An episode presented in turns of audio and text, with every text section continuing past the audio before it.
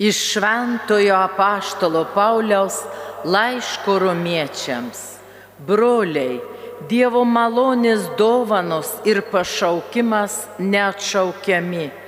Kaip jūs kadaise nebuvote klusnus Dievui ir dėl jų neklusnumo dabar patyrėte gailestingumą, taip ir jie dabar nepaklūsta dėl jums suteikto pasigailėjimo kad dabar ir jie susilauktų gailestingumo. Dievas visus uždarė neklusnume, kad visų pasigailėtų. O Dievo turtų išminties ir pažinimo gelme, kokie neištyriami jo sprendimai ir nesusekami jo keliai. Ir kasgi pažino viešpaties mintį, ir kas buvo jo patarėjų arba kas jam yra davęs pirmas, kad jam būtų atmokėta. Iš jo, per jį ir jame yra visa. Jam šlovė per amžius. Amen. Tai Dievo žodis.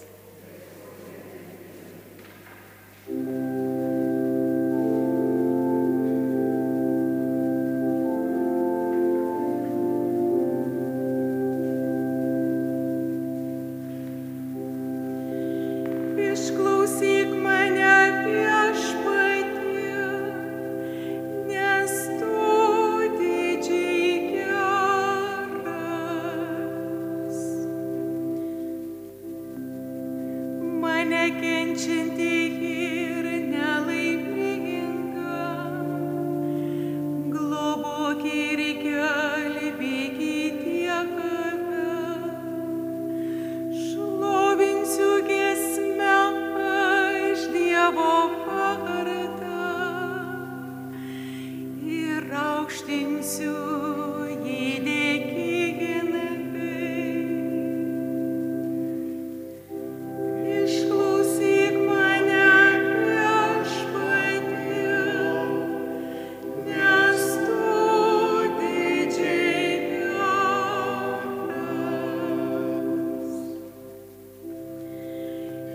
pakelkit galvas aukštyn nuolankieji pradžiugukit.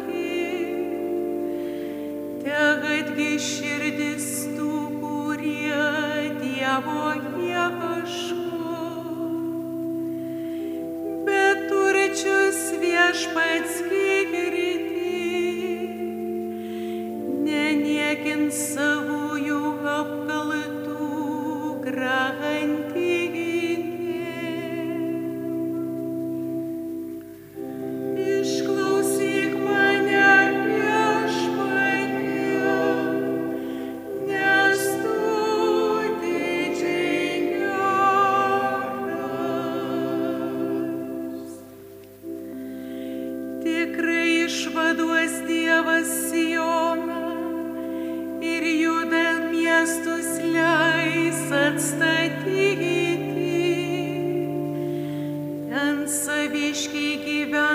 terra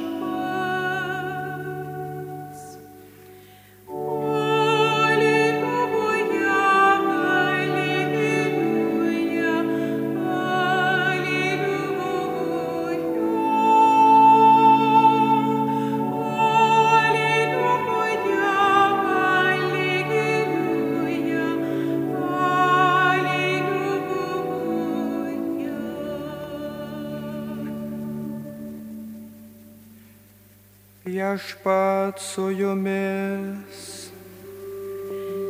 Ir su tavimi. Iš Šventojios Evangelijos pagal Luką.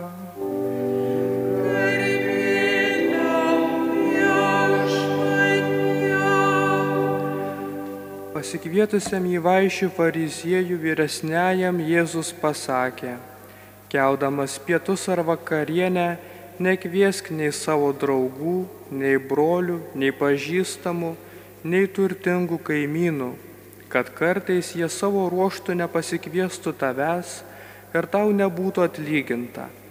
Rengdamas vaišės, verčiau pasikviesk vargšų, paliegėlių, lošų ir aklų, tai būsi palaimintas, nes jie neturi kuo atsilyginti ir tau bus atlyginta teisiųjų prisikelime. Tai viešpaties žodis.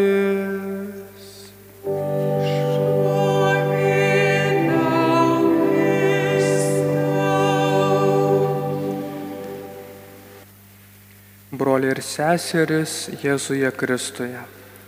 Mirim, mėly Marijos radio klausytojai. Ką tik girdėta Evangelijos dalis tarsi kelia mums klausimą. Ar yra tikrai blogai kviesti draugus ir šeimos narius į vakarienę? Savaime suprantama, kad ne. Bet šioje vietoje Jėzus mus moko apie kai ką daug gilesnio. Kviesti kitus į vakarienę yra gerai, kai mūsų tikslas yra meilė. Tačiau jei vakarienės ar bet kokio kito gero darbo tikslas nėra meilė, o yra tuštybė, tuomet ši tuštybė, kurią pasieksime tokiu veiksmu, ir bus tas atlygis, kurį gausime. Deja, tuštybės užmokesčio daugelis šių dienų pasaulyje siekia įvairiais būdais. Jėzus mus moko, kad vienintelis mūsų daromo gero darbo tikslas turi būti nuolankus ir paslėptas meilės tarnystės tikslas. Juk dėl puikybės pagundos mes visi galime lengvai pasijusti per nelik susirūpinę tuo, ką apie mus galvoja kiti. Šiame kontekste Jėzus kalba apie žmogų, kuris atlieka, tarkim, kokį nors veiksmą vien tam, kad pagerintų savo įvaizdį prieš kitus ir sulauktų kitų pagirimų. Tokia šlovės forma iš tiesų yra tuščia, nes ji ne tik nenaudinga sielos labui, bet ir žalinga. Šiandien galime apsvarstyti, kaip stipriai mes trokštame tos šlovės. Tam galime pasitelkti tokį scenarijų.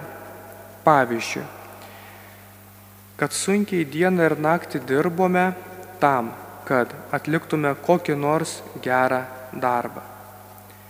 Įsivaizduokime, kad tas geras darbas atnešė didelę naudą kitiems. Po to įsivaizduokime, kad niekas nežinojo, jog dirbome šį gerą darbą. Ir todėl nesulaukėme jokio dėkingumo ar pripažinimo. Kaip tuomet turėtume jaustis? Idealiu atveju mes turėtume džiaugtis dėl dviejų priežasčių. Pirma, džiaugtis, kad galėjome pasitarnauti ir kažką padaryti gerai. Antra, turėtume džiaugtis, kad Dievas ir tik Dievas žinojo apie mūsų gerą darbą. Matydamas mūsų gerumą ir nesavanaudišką tarnystę, Dievas tam tikrą prasme tampa mums skolingas. Ta kabutėse skola, brangiai, kurią Dievas prisėima, yra jo dėkingumas ir meilė, kurie mums išreiškiami per amžinai jo sukurtą atlygį. Tad siekime gauti šiuos amžinuosius apdovanojimus, stengdamėsi tarnauti kuo paslėptesniems ir nulankesniais būdais, nes šis atlygis nepalyginamai pranoksta trumpalaikius tuštybės atlygius. Šlovingiausiasis Dieve, tu atėjai žemę kentėti ir mirti. Šiuo tobulos meilės aktu tu atnešiai didžiausią, kada nors žinomą gėrį - šią šventą meilės tarnystę. Dėl to esi šlovinamas per amžius. Padėk mums dalyvauti tavo nuolankios ir paslėptos meilės tarnystės veiksmuose, kad vieną dieną ir mes galėtume visi dalyvauti dangaus šlovėje. Amen.